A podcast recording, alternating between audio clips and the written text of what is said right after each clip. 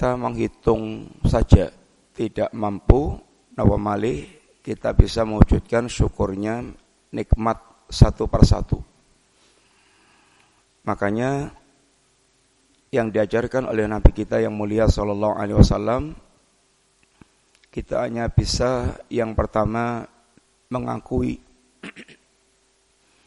bahwa kita ini adalah orang yang ciblon nikmat atau tenggelam dalam lautan nikmat Allah Subhanahu wa taala baik yang sanggup kita liput maupun yang tidak sanggup kita liput kita orang-orang yang sedang tenggelam dalam lautan nikmat Allah taala.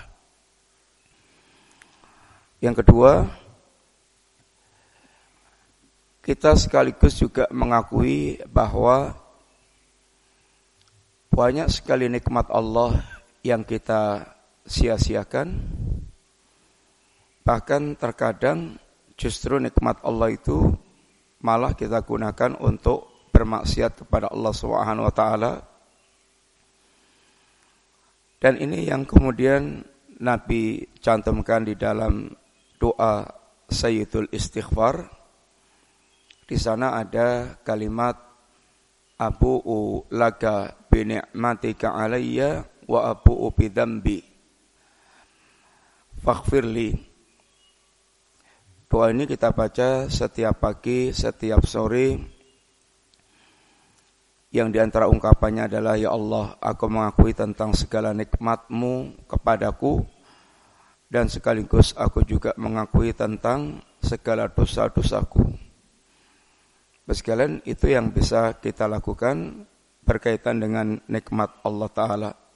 Sehingga bersama dengan kita sadar sepenuhnya bahwa banyak sekali nikmat yang Allah terimakan pada kita.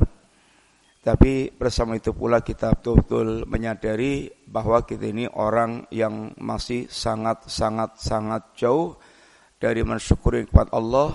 Bahkan berapa banyak nikmat Allah yang kita justru gunakan untuk durhaka maksiat kepada Allah paling enggak kita melalaikan banyak hak-hak Allah yang berkaitan dengan nikmat Allah taala. Nomor kali, Mas sekalian, juga tidak lupa kita mengucapkan banyak terima kasih kepada Bapak Takmir yang telah memberikan kesempatan kita untuk silaturahim dan sejenak menyempatkan waktu kita untuk bersama-sama belajar mengingat kembali apa yang diingatkan dalam agama kita. Yang yang Allah katakan fadzakir inna dzikra tanfa'ul mu'minin. Sampaikanlah peringatan sungguhnya peringatan itu pasti sedikit banyak bermanfaat bagi kaum mukminin, bagi orang-orang yang mereka artinya ada keimanan yang yakin kita kepada Allah dan yakin kita bahwa kita akan kembali kepada Allah itu kampung akhirat. Pas kalian, pagi hari ini mari kita bersama-sama merenungkan satu di antara ayat Allah yang ada dalam surat Al-Qasas ayat yang ke-77 yang merupakan bagian upaya kita untuk mentadabur ayat Al-Qur'an karena Allah turunkan Al-Qur'an dalam rangka untuk lihat baru ayatihi dalam rangka untuk ditadabur ayat-ayatnya. Al-Quran kitab yang dikatakan Allah kitabun mubarakun kitab yang penuh dengan keberkahan. Di antara cara kita untuk mengambil keberkahan Al-Quran adalah dengan melakukan tadabbur terhadap ayat Al-Quran dalam rangka untuk kita bisa mengambil manfaat sebesar-besarnya apa yang tercantum dalam setiap ayat Allah Ta'ala. Dan bahkan ketika kita meninggalkan tadabbur kita akan dicela oleh Allah sebagaimana yang Allah ungkapkan dengan ungkapan Allah afala yatadabbaruna al-Qur'an am ala qulubin aqfaluha? Apakah mereka tidak melakukan tadabbur terhadap Al-Qur'an atau memang hatinya yang ada sehingga mereka tidak bisa memahami ayat Al-Quran atau memang tidak ingin memahami Al-Quran Al-Karim.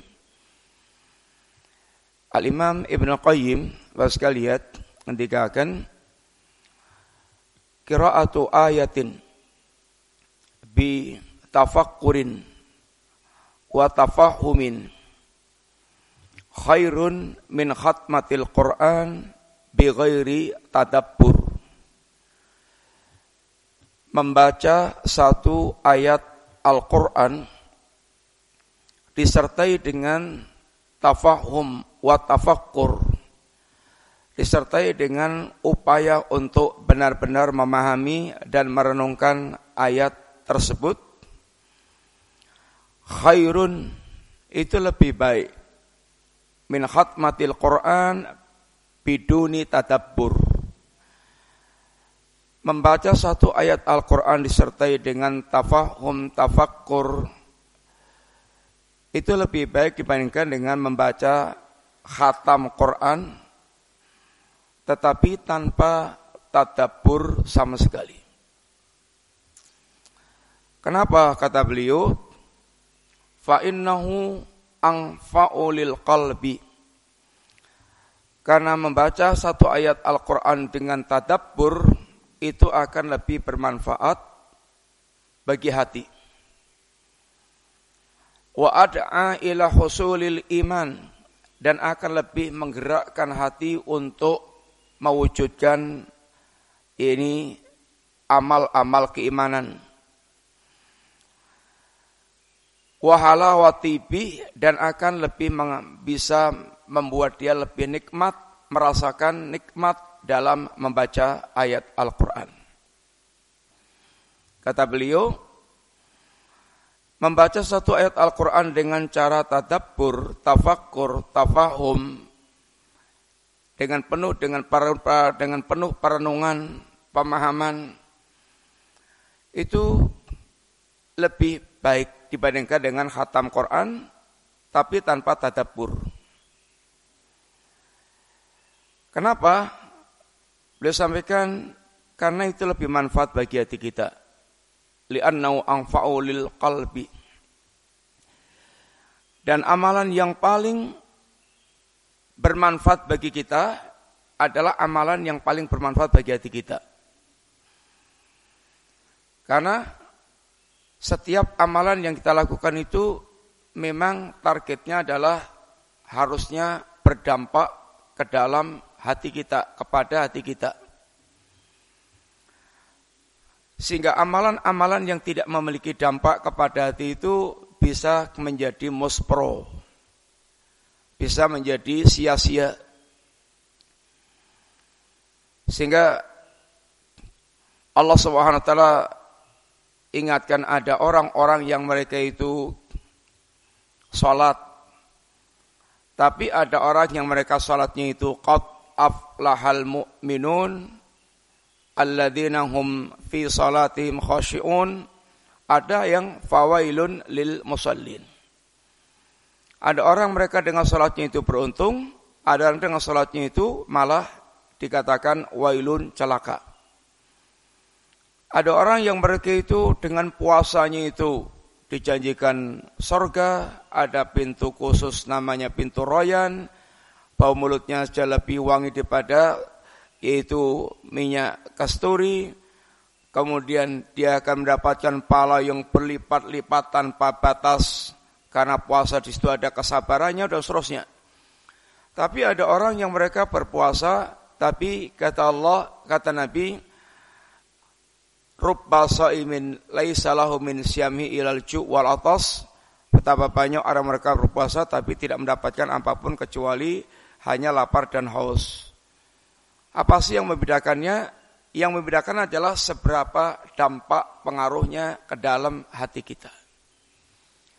Orang yang mereka salat dengan khusyuk sehingga betul-betul sangat menghayati hatinya dan berdampak dengan salatnya itu tambah dekat dengan Allah, tambah pengakuannya kepada Allah, tambah mencintai Allah, bisa merasakan nikmatnya salat.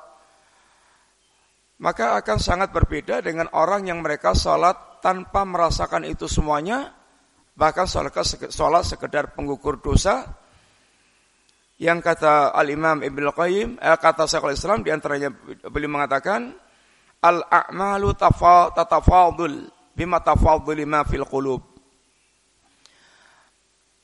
Amal-amal itu memiliki nilai keutamaan yang berbeda-beda sesuai dengan keutamaan yang ada di dalam hati manusia. Beliau contohkan ada dua orang yang salat dengan fisik yang sama, boleh jadi masjidnya sama, boleh jadi bermakmum dengan makmum yang sama, atau dia bermakmum di masjid yang sama, dengan imam yang sama, dengan gerakan yang sama.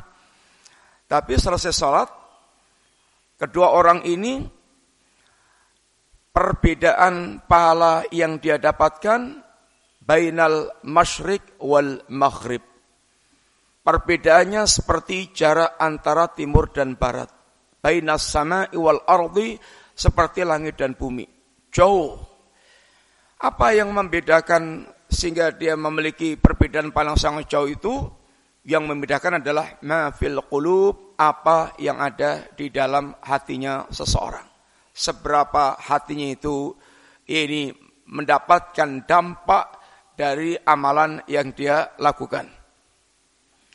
Makanya, Bapak sekalian, kata Ibnu Qayyim, bahwasanya membaca satu ayat Al-Quran disertai dengan tadabbur, tafakkur, tafahum itu lebih bermanfaat, lebih baik dibandingkan dengan membaca khatam Quran tapi yaitu tanpa disertai dengan tadabbur.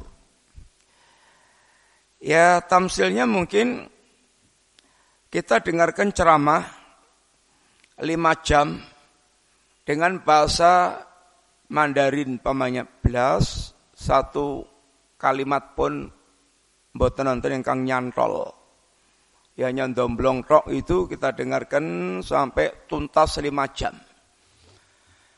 Dengan mendengarkan ceramah hanya lima menit atau sepuluh menit, tapi bahasanya Masya Allah dari awal sampai akhir semua difahami dan semuanya itu sangat dirasakan oleh hatinya itu akan jauh lebih manfaat dibandingkan dengan dengarkan ceramah lima jam tanpa faham sama sekali. Dan akan lebih mendorong hati kita untuk mengamalkan tuntutan-tuntutan iman. Kalau kita membaca ayat dan gak faham, apa yang akan menggerakkan hati kita untuk melaksanakan tuntutan amal dari apa yang kita baca tersebut? Tapi kalau kita faham, maka akan ada tarikan-tarikan, ada kekuatan-kekuatan, ada dorongan-dorongan yang membuat kita kemudian ingin mewujudkannya. Mengagungkan Allah, mencintai Allah, berharap kepada Allah, atau ya ini harapan-harapan yang lainnya. Karena kita ini dibuat sangat terpengaruh dengan apa yang kita baca dari ayat tersebut. Dan akan bisa lebih menikmati sehingga Bapak sekalian, kalau di antara para salaf kita, para pendahulu kita yang saleh, di antara mereka kadang ketika mendapatkan ayat, menemukan satu ayat, lalu bisa diulang-ulang sampai ratusan kali, sehingga dalam satu malam dia seakan hanya mengulang ayat itu karena sedang sangat berbekas, sedang sangat berdampak ke dalam hatinya. Tinggal sehingga dia sangat menikmati dengan membaca ayat tersebut. Ini di antara hasil ketika seorang dia itu membaca ayat dengan tadabbur, dengan tafahum, dengan tafakur. Sekalian ayat yang kita ingin sedikit tadabbur adalah ayat Allah Ta'ala dalam surat Al-Qasas ayat yang ke-77 Allah Subhanahu wa taala berfirman dalam ayat tersebut wabtaghi fima ataqallahu daral akhirah wala tansa nasibaka minat dunya wa ahsin kama ahsanallahu ilaik wala tabghil fasada fil ardi innallaha la yuhibbul mufsidin ngartosipun carilah kampung akhirat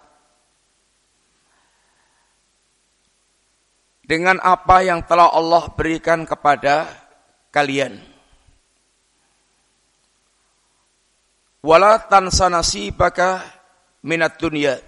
Dan jangan lupakan bagian Anda dari kehidupan dunia. Wa ahsin ila wa, wa, wa ahsin kama ahsan Allah ilaik.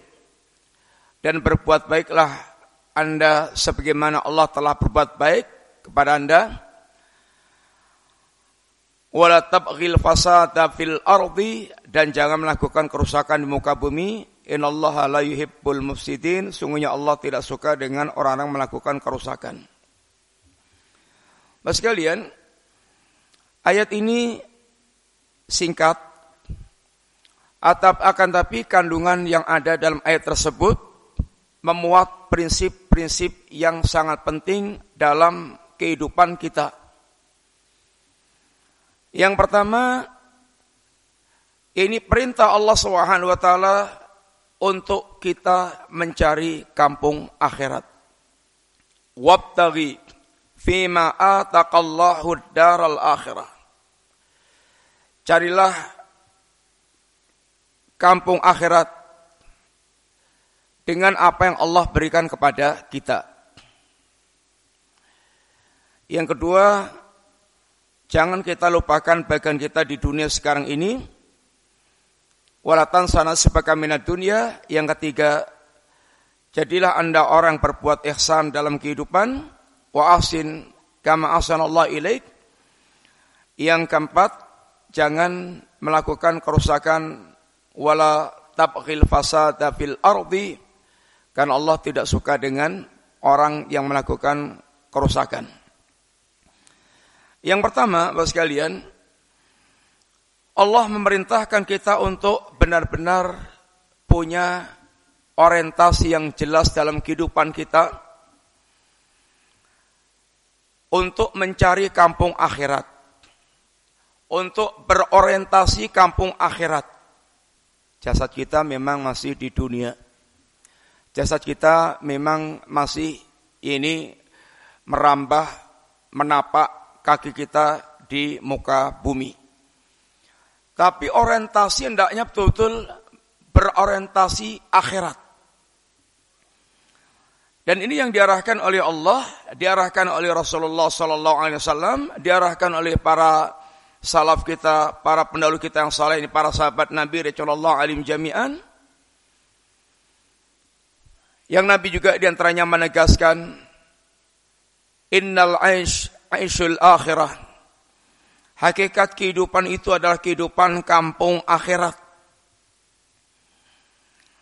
Yang para salaf kita seperti di antaranya sahabat Ali bin Abi Thalib juga menegaskan Kunu min il akhirah wala takunu min abna dunya.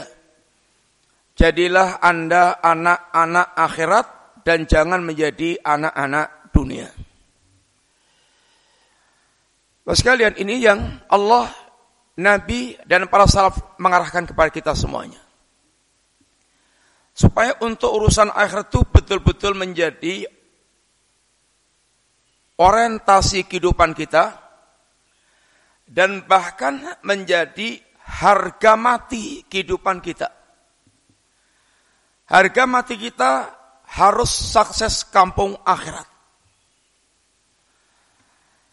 Yang bahkan untuk meraih kampung akhirat ini maksudnya adalah jannah tentunya karena semua kita pasti akan masuk kampung akhirat. Yang di akhirat hanya ada dua alternatif kalau enggak jannah ya neraka. Dan kita diarahkan oleh Allah, Rasul dan para pendahulu kita yang saleh betul-betul agar menjadikan ya ini target untuk mendapatkan jannah itu target utama, orientasi utama kehidupan kita dan merupakan harga mati kehidupan kita. Yang kalau Allah memerintahkan kita untuk meraih kampung akhirat itu supaya bersegera, bahkan berlomba-lomba, wasari'u ila maghfirati min rabbikum wa jannatin ardwa samawati wal ard uiddat lil muttaqin. Bersegeralah kalian untuk meraih ampunan Allah dan surga yang luas dan seluas langit dan bumi yang Allah sediakan untuk orang bertakwa fabidzalika falyatanafasil mutanafisun bahkan untuk meraih semua impian tentang kampung akhirat hendaklah seorang berlomba-lomba. Allah dorong untuk kita memiliki mental pelomba. Yang mental pelomba itu dia bagaimana bisa bertarget menjadi juara satu dalam urusan akhirat dia berlomba-lomba untuk bisa menjadi juara satu. Sekalian, ini adalah yang mesti kita bangun pertama kali dalam kehidupan kita. Target pokok kita adalah sukses kampung akhirat. Kenapa, Mas sekalian? Karena sebagaimana yang Allah sebutkan dalam beberapa ayat. Satu, kehidupan yang hakiki itu adalah kehidupan kampung akhirat. Wa inna daral akhirah lahiyal hayawan laukanu ya'lamun. Karena kampung akhirat itu adalah kampung yang sesungguhnya jika kalian atau jika mereka mengetahui. Kita tidak tahu dan kita belum pernah berpengalaman, tapi kita dikasih tahu oleh Allah yang maha tahu tentang segala pernak-pernik kampung akhirat yang Allah dan Nabi-Nya jelaskan dengan detail bagi orang yang mereka mempelajari yakni kalam Allah, Al-Quranul Karim dan sunnah Nabi-Nya. Kehidupan yang hakiki kehidupan kampung akhirat. Sehingga ketika nikmat di akhirat nikmatnya sempurna, sengsara di akhirat ya hakikat kesengsaraan yang sebenarnya.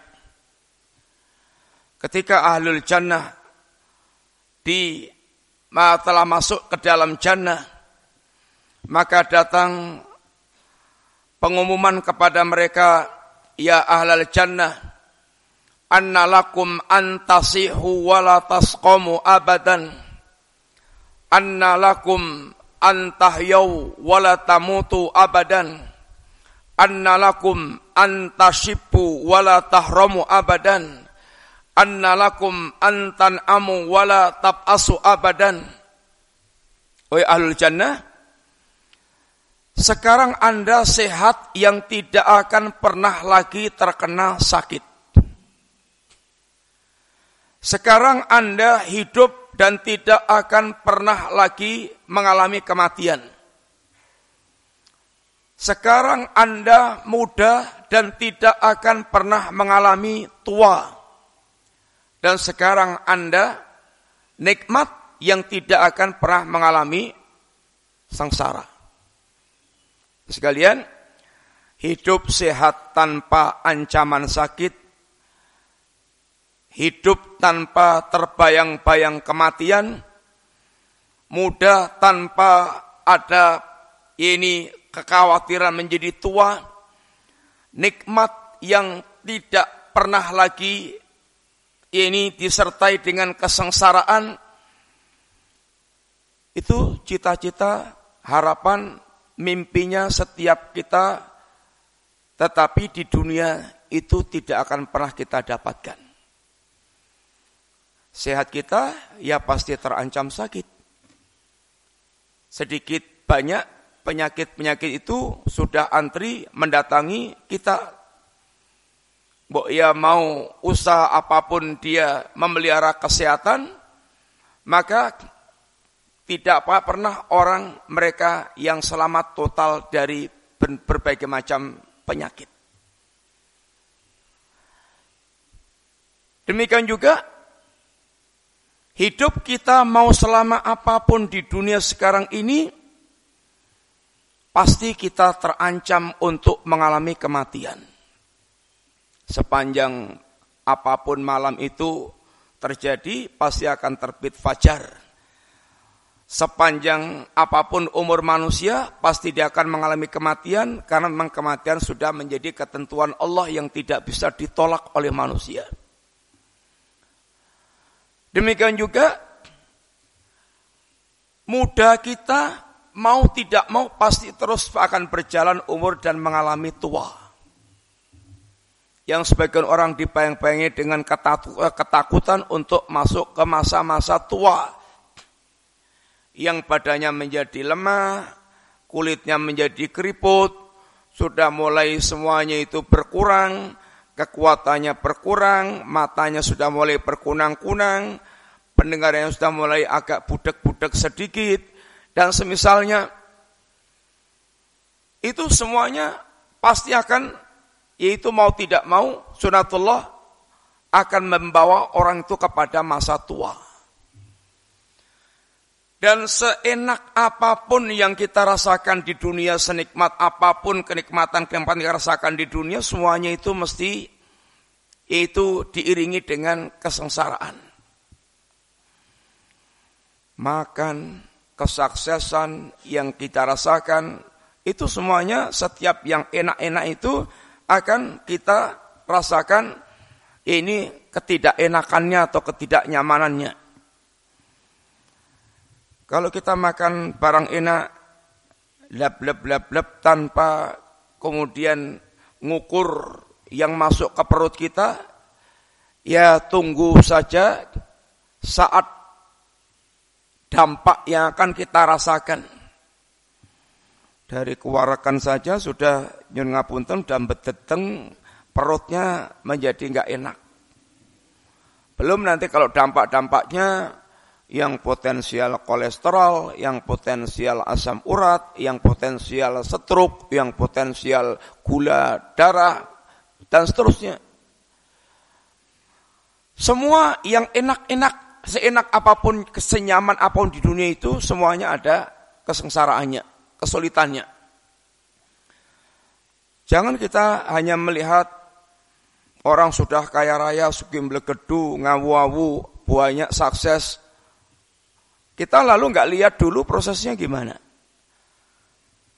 Kadang-kadang orang sudah punya supermarket besar, tinggal nderui, sekarang tinggal nderui duitnya aja, Ya antum lihatnya sekarang, yang dulunya itu kadang dia mungkin mikul keliling, kemudian keliling-keliling kobios, rintisan yang boleh jadi sangat memilukan.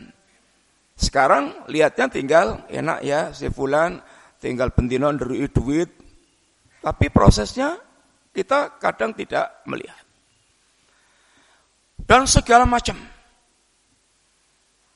Ah, kalau kita ingin hidup yang yaitu sehat tanpa sakit, hidup tanpa terancam mati, kemudian muda tanpa tua, kemudian nikmat tanpa sengsara, itu adanya sempurnanya hanya ada di surga. Sekali lihat, yang kedua, kenapa sih kalau kita mesti orientasi kampung akhirat? Allah Subhanahu wa taala menegaskan hakikat sukses itu adalah sukses kampung akhirat. Dan hakikat rugi itu adalah rugi kampung akhirat. Sehingga Allah menegaskan dengan ayatnya yang mulia, "Faman suhsiha anin nar wa udkhilal jannah faqad fasa." Barang siapa yang diselamatkan dari neraka dan dimasukkan ke surga, maka sungguh dia telah sukses. Sebaliknya, ketika Allah bicara tentang kerugian, innal khasirin alladzina khasiru anfusahum wa ahlihim yaumal qiyamah. Sesungguhnya orang yang dikatakan benar-benar rugi itu adalah orang yang mereka merugikan diri dan keluarganya di akhirat kelak. Bapak sekalian, Orang yang sukses hakiki, sukses kampung akhirat. Orang yang bangkrut, rugi hakiki, bangkrut kampung akhirat. Sehingga ketika Nabi juga bicara tentang siapa yang bangkrut, siapa yang sukses juga. Pernah tanyakan, wahai para sahabatku, atadruna manil muflis, tahu nggak kalian siapa yang dikatakan orang yang bangkrut itu? Ya Rasulullah, al-muflisu fina man la dirhamalah wala mata. Kanjeng Nabi ingkang dipun ustani tiang bangkrut niku nek kalau di kalangan kami yang kita kenal ya dia sudah nggak punya duit lagi dan nggak punya perabot-perabot kehidupan lagi jeung ngapunten ya tinggal dengkul tok. Itu bangkrut.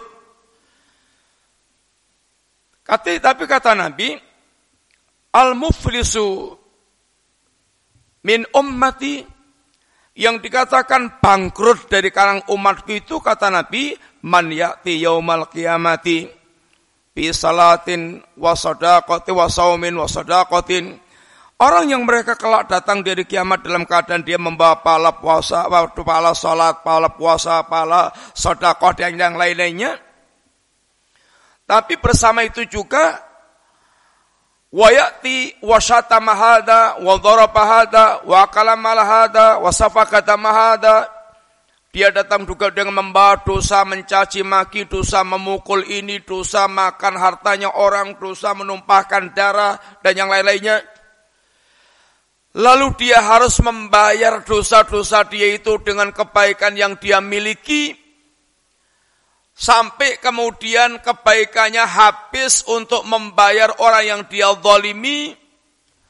Lalu belum tuntas pembayaran pembayaran kepada orang yang dia zalimi, maka keburukan orang yang dia zalimi akan diambil untuk digabungkan dengan keburukan dia. Itulah orang yang dikatakan muflis. Artinya Nabi selalu menegaskan yang namanya rugi, yang namanya bangkrut itu adalah kerugian, kebangkrutan dari kiamat kelak. Yang namanya sukses adalah sukses dari kiamat kelak.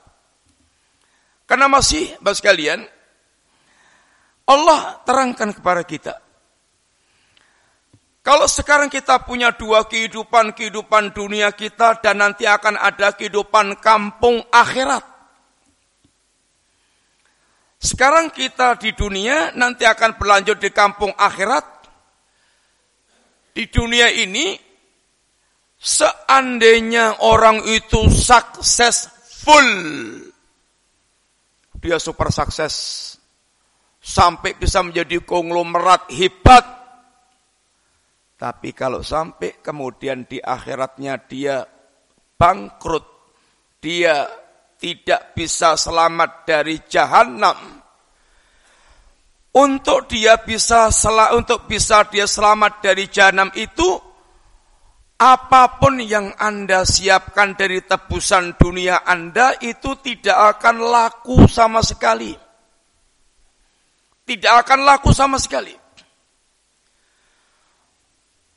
Karena di hari itu Allah ingatkan bahwa semua yang kita kumpulkan dari perkara dunia yang ada ini itu sudah tidak memberikan manfaat faedah apa pun. Yaumala yang fa'umalun wala banuna illa man atallaha biqalbin salim. Ingatlah akan datangnya hari yang di hari itu yang namanya harta Anda sebanyak apa pun, anak Anda sehebat apa pun, itu tidak akan lagi memberikan manfaat lagi. Sekalian, kalau sekarang ini, Masya Allah, kalau kita menjadi orang yang sukim, belegedu, artinya buahnya, itu akan sangat memberikan manfaat. Sangat memberikan manfaat. Dan di dunia itu ya ukuran di sobio-sobio sama orang itu kalau orang punya harta secara umum demikian. Yang akan selalu mendapatkan fasilitas serba wah itu ya yang punya harta. Yang tidak punya harta akan dipandang sebelah atau bahkan tidak dipandang sama sekali akan menjadi orang yang dianggap hina, tidak punya harga. Tapi akan datang hari hebatnya kayak apa pun kita, berapa berapa betapapun banyaknya harta kita dan berapa betapa hebatnya koneksi atau bahkan anak keluarga kita, itu akan datang suatu hari itu semuanya tidak akan lagi tidak akan memberikan manfaat. Kalau hanya itu yang dia kumpulkan. Bahkan yang ada hanya akan menjadi penyesalan-penyesalan yang mendalam. Ma aghna anni maliyah halaka anni sultaniyah Aduhai hartaku yang banyak telah tidak berguna lagi. Aduhai kekuasaanku telah hancur binasa. Sekalian Hari-hari makanya diingatkan oleh Allah Hari-hari saat kita nanti kembali kepada Allah itu Hari-hari yang membutuhkan persiapan khusus hari-hari yang sangat menakutkan kalau dia tidak berbekal. Yang Allah katakan wattaqu yawman turja'una fihi ilallah. Wahai hamba Allah, takutlah kalian akan datangnya hari saat Anda nanti datang menghadap Allah di yaumul qiyamah kelak. Yang kita akan dibangkitkan oleh Allah lalu kita akan digiring menghadap Allah. Hari-hari yang kalau orang tidak berbekal maka suasananya seperti yang Allah katakan yauman tataqallabu fihil qulub wal absar. Hari-hari yang hati manusia akan dibuat bergolak dan mata manusia dibuat terbelalak karena suasana yang sangat dahsyat yang digambarkan oleh Allah Ta'ala. Hari-hari yang suasana yang suasananya digambarkan Allah. Ya ayuhan nasu taqu rabbakum inna zalzalata saati syai'un azim yawma tarawnaha tadhalu kullu murdi'atin amma arda'at wa tada'u kullu dhati hamlin hamlaha wa taran nasa sukara wa mahum bisukara walakinna adzaballahi syadid Wahai manusia Bertakwalah kalian kepada Allah Subhanahu wa taala. Hari ini di dunia Allah ingatkan wahai hamba Allah, bertakwalah kepada Allah taala. Jadilah ahli tauhid, jadilah hidupnya di atas sunnah Nabi, di atas tuntunan Nabi, di atas ajaran Nabi. Jadilah orang yang tunduk dan patuh kepada Allah secara totalitas di dunia sekarang ini. Jadilah orang yang salat, orang yang puasa, orang yang zakat, orang yang haji. Jadilah orang yang menjauhi segala bentuk kemaksiatan sekecil apa pun yang diringkes dengan ungkapan kalimat ittaqu rabbakum bertakwalah kalian kepada Rabb kalian. Kenapa sih? Ya Allah, Engkau perintahkan dalam untuk bertakwa kepadamu. Inna zalzalata saati syai'un adim ketahuilah guncangan hari kiamat nanti sangatlah dahsyat Hari-hari yang membuat Anda akan melihat pemandangan yang mengerikan. Yauma tarawnaha tathalu kullu murdiatin amma arda'at. Hari itu Anda akan melihat setiap wanita yang sedang menyusui akan dia lemparkan susuannya wa tadau kullu wa tadau kullu dhi hadhi hamlin hamlaha dan orang yang mereka wanita-wanita sedang hamil akan berguguran kehamilannya. Wa tadau kullu dzati hamlin hamlaha wa taranna sukara dan Anda lihat orang itu kayak orang yang mabuk sempoyongan. Padahal mereka tidak sedang mabuk. Walakinna adzaballahi sadid tapi mereka sedang merasakan adab Allah yang sangat dahsyat. Mas kalian, hari ini hari yang digambarkan Allah seperti itu itu membutuhkan persiapan khusus yang persiapannya bukan dengan mengumpulkan harta sebanyak-banyaknya, bukan untuk meraih jabatan setinggi-tingginya, yang persiapannya harus dia persiapkan bekal yaitu ketakwaan kepada Allah Ta'ala. Fatazawwadu faina khairasadi taqwa. Hari-hari yang setiap kita sudah tidak mau peduli lagi dengan siapa pun yang di kanan kiri kita walaupun yang orang yang terdekat dengan kita sekalipun ketika di dunia Yang Allah katakan yauma yafirul mar'u min akhihi wa ummihi wa abi wa sahibati wa panih li kulli mri'in minhum yauma idzin sya'nu yughni.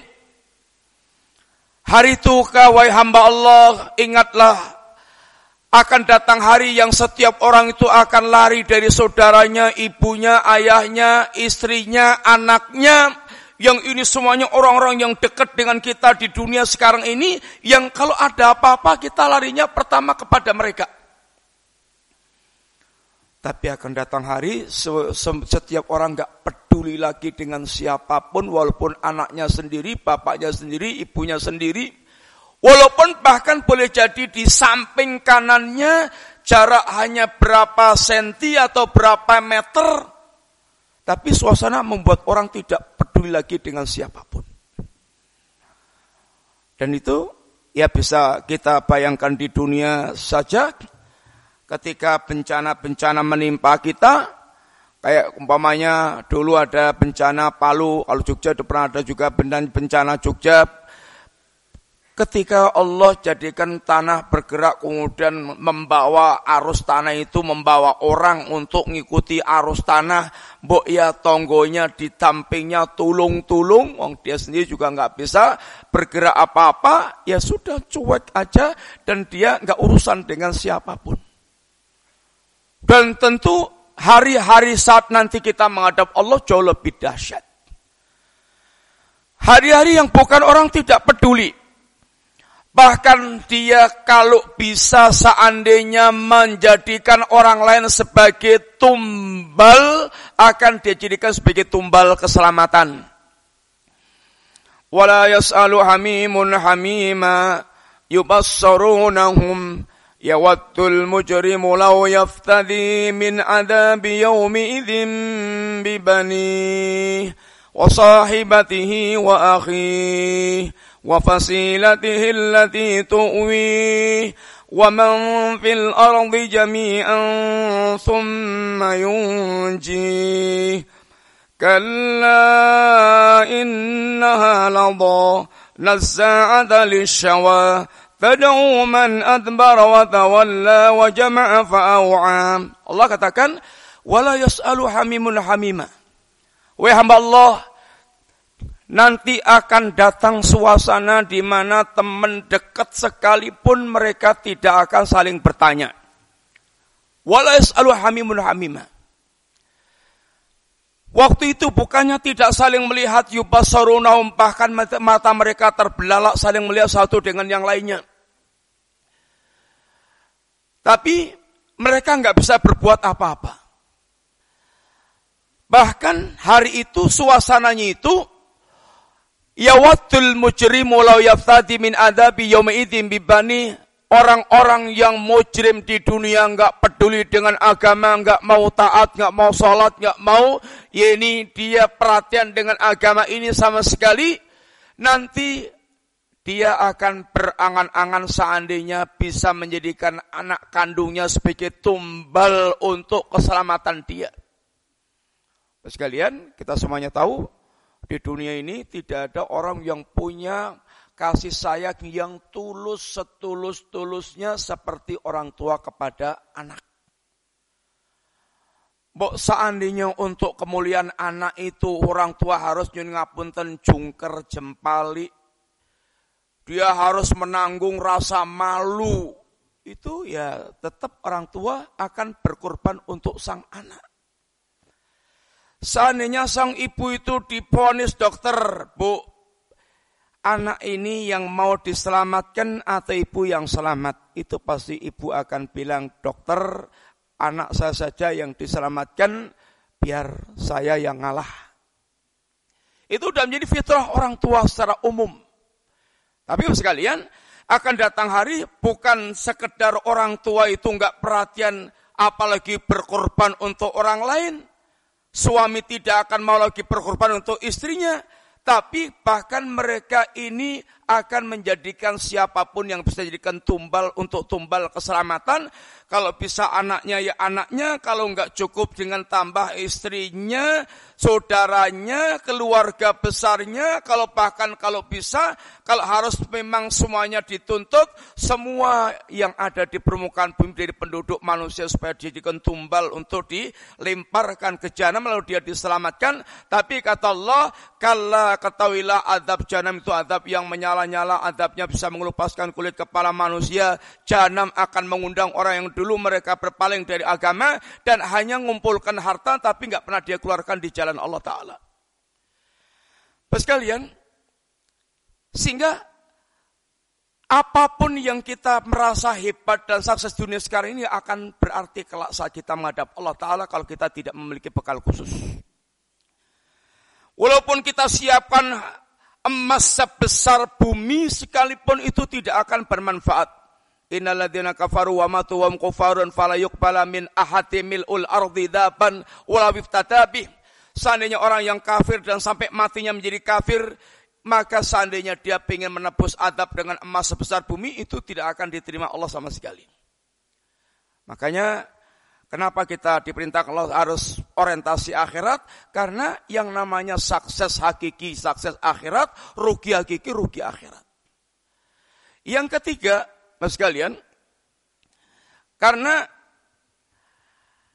ya akhirat itu segalanya, segala-galanya lebih baik dan lebih kekal. Lebih baik dan lebih kekal. Yang Nabi di antara katakan mau usauti ahli jannah tempat untuk meletakkan pecutnya ahlul jannah tempat untuk meletakkan camatinya alul jannah itu lebih baik dibandingkan dengan dunia dan seisinya. Khairu minat dunia wa mafiyah. Dan semua suasana jannah demikian. Gempilan iman yang akan mengantarkan kita ke jannah itu lebih baik daripada dunia dan seisinya.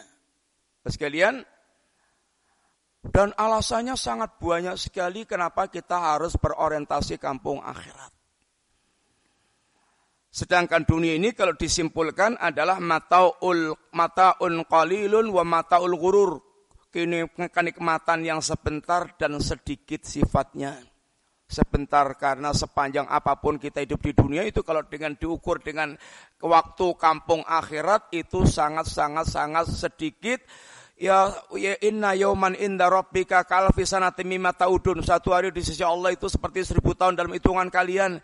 Kalau kita punya umur 100 tahun itu hanya 2,4 jam. Kalau 50 tahun ya kira-kira hanya 1,2 jam.